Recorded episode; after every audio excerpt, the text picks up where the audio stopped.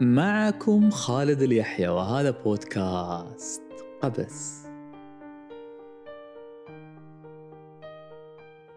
حيث نروي القصص. فالقصص ما زالت لديها القدرة الطريفة على بعثرة الأفكار التي تأقلمنا معها. القصص لا تعطينا صلابة الإجابات على الأسئلة وإنما تهبنا مرونة مساءلة الإجابات. بودكاست قبس يأتيكم من منصة معنى المنصة المخصصة لاستكشاف أسئلة جديدة عن روح الحياة الطيبة. وقصة اليوم سماها الثرثار السنان أولى وتحكي سرا اضطر الجيش البريطاني أن يحظر نشر كافة الوثائق المتعلقة به لمئة سنة. وقبل أن نبدأ بالقصة أود أن أشير إلى عندليب الليل. عندليب الليل ليست عصفورة وإنما هو الاسم الأخير لواحدة من أشهر الشخصيات في عالم الطب فلورنس. فلورنس عندليب الليل فلورنس نايتنجيل. الملقبة بسيدة الفانوس التي وضعت الأسس الإدارية والتدريبية لمهنة التمريض. جعلت التمريض مؤسسة مكرسة إداريا ووظيفيا للعطف والرقة والتفاني في خدمة ضحايا الحروب والآفات والأمراض. دشنت أول مدرسة نظامية للتمريض. أرفع جائزة للتمريض في العالم تحمل اسم ميدالية فلورنس نايتنجيل. تألق نجم فلورنس بعد عودتها من حرب القرم حيث اشتهرت هناك بلقب سيدة الفانوس لأنها أثناء تطوعها كانت نادرا ما تخلد للراحة وحين يخيم الهزيع الأخير من الليل تتعاهد شمعة الفانوس كي تطل على المصابين فتضمد جراحهم وتسهر بالقرب منهم.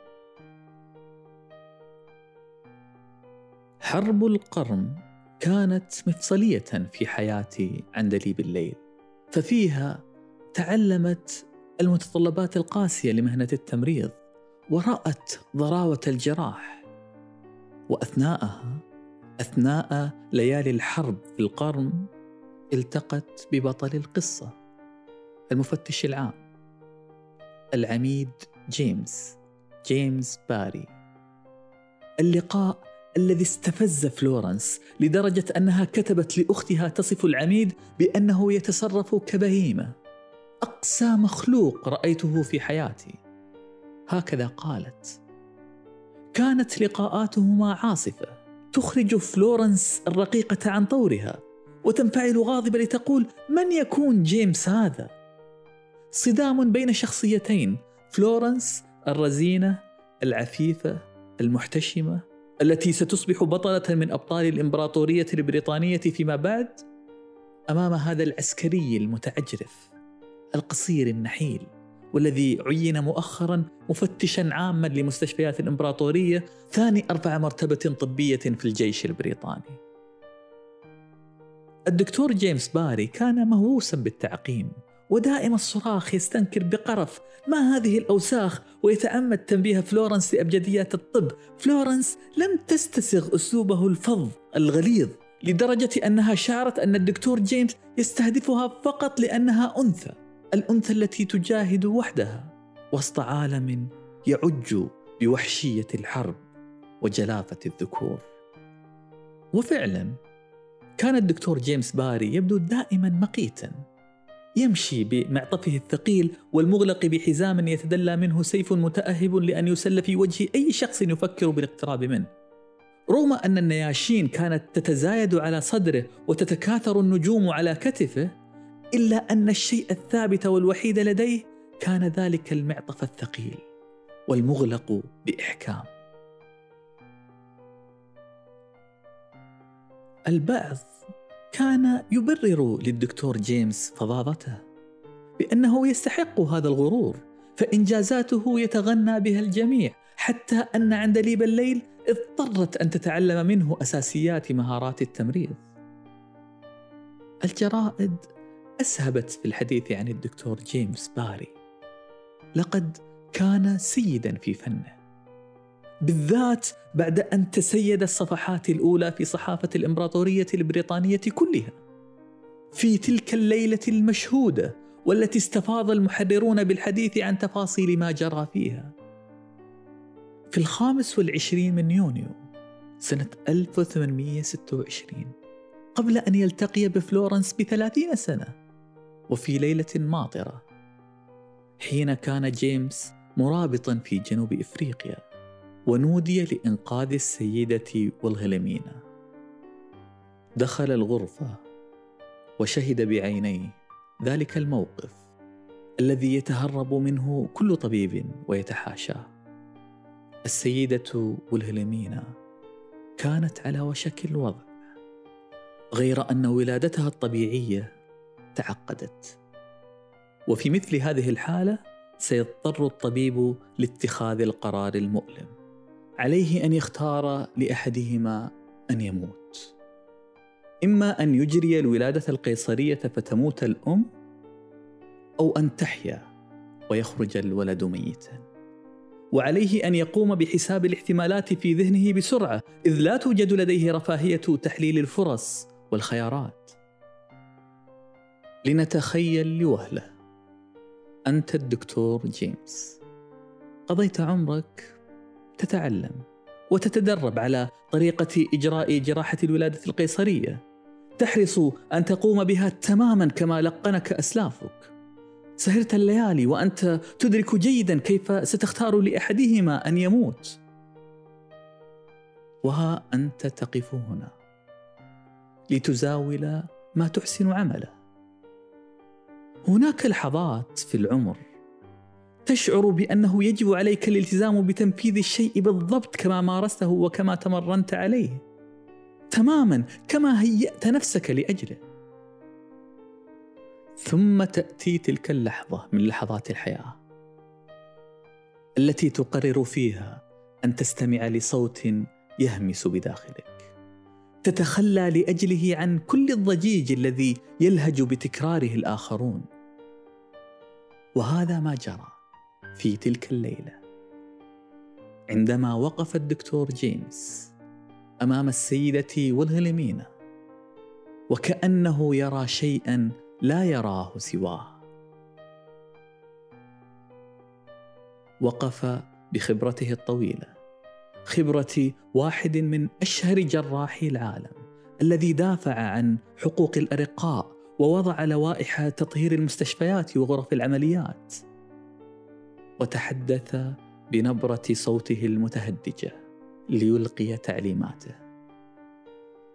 أحكم إغلاق معطفه الثقيل وبنفس الجراح العتيد أجرى الدكتور جيمس باري أول عملية ولادة قيصرية يقوم بها أوروبي موثقة بشهود بحيث بحيث تحيا الأم ويحيا الطفل معها. سويا لأول مرة.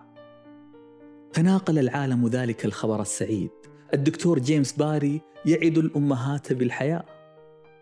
فبالأدوات التي يعقمها وغرف الجراحة التي أشرف عليها وبأسلوب جراحي يعرف جيدا كيف يتعامل مع جسد المرأة بشكل لا يستطيعه أحد غيره ستتضاءل أخطار عمليات الولادة بعد اليوم. قضى الدكتور جيمس تسع سنوات في جنوب أفريقيا. جراحا. يداوي البيض والسود على حد سواء.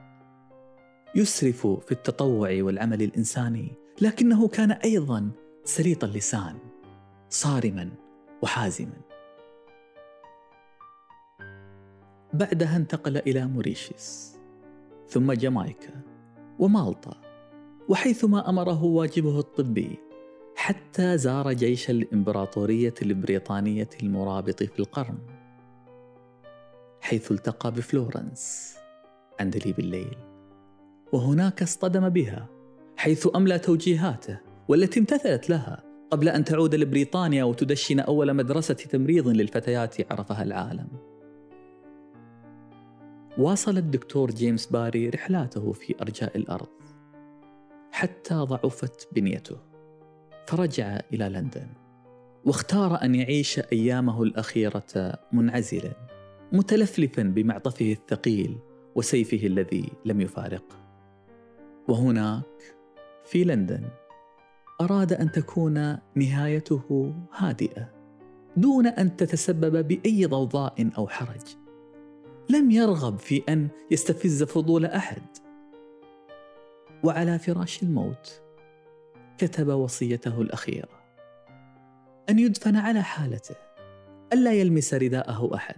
الا يغسله أحد. أن يرمى في النهر. هكذا مكفنا بمعطفه الثقيل الذي ستره طيلة حياته. كانت وصية صغيرة لكن خادمته لم تلتزم بها وآثرت أن تكرم الدكتور حتى لو لم يكن يرغب هو بذلك. وبمجرد ما نزع عنه المعطف الثقيل كانت المفاجأة. الدكتور جيمس باري لم يكن رجلا كانت امرأة.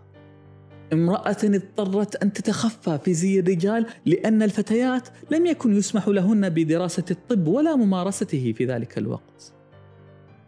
كانت مفاجأة مدوية. شعر قادة الجيش البريطاني بسببها بالخزي. كيف حصل مثل هذا الاختراق؟ كيف أفلتت هذه المرأة واستطاعت أن تتدرج في سلم الترقيات دون أن يكتشف أي من الرجال تلك الخديعة؟ فقرر المسؤولون إخفاء الوثائق المتعلقة بكل ما له ارتباط بحقيقة الدكتور جيمس باري واستصدروا حظرا يمنع نشر هذه المستندات لمئة سنة. وأقيمت للدكتور جيمس باري جنازة عسكرية بصفته رجلا. وبعد مرور أقل من مئة سنة استطاعت الباحثة المؤرخة إيزابيل رو الحصول على إذن بالاطلاع على الوثائق. واليوم نعلم من يكون جيمس باري هذا. مارغريت آن بلكلي كان اسمها. مارغريت التي تملصت ببراعة من كل من أراد أن يوقفها عن مسيرة التعلم. وراوغت راوغت كثيرا راوغت عمرا بأكمله. كان بمقدورها أن تظل نسخة من كل نساء زمانها أن تتزوج وتنزوي في بيتها. لكنها قررت أن تتعلم أكثر. ولو كان على حساب أن تعيش كذبه كبرى تتحامل على نفسها وتتكتم على عواطفها وحميمية أحاسيسها وتستعير لسانا سليطا وتتظاهر بالقسوة امعانا في التمويه وتتصنع صوتا عاليا تصرخ به على فلورنس عندليب الليل فلورنس عاشت وهي تظن أن الدكتور باري كان أقسى مخلوق رأته في حياتها متسائلة باستنكار من يكون جيمس هذا؟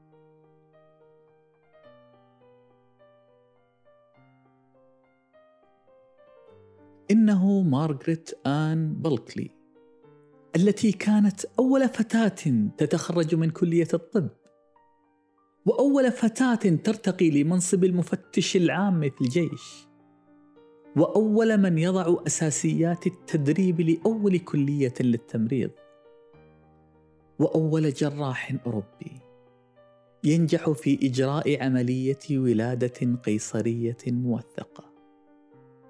مارغريت التي وقفت في تلك الليلة الماطرة أمام السيدة والهلمينة عرفت جيدا كيف تتعامل معها بشكل لا يستطيعه أحد غيرها. كانت عيناها ترى شيئا يستحيل على أي طبيب في ذلك الزمان أن يراه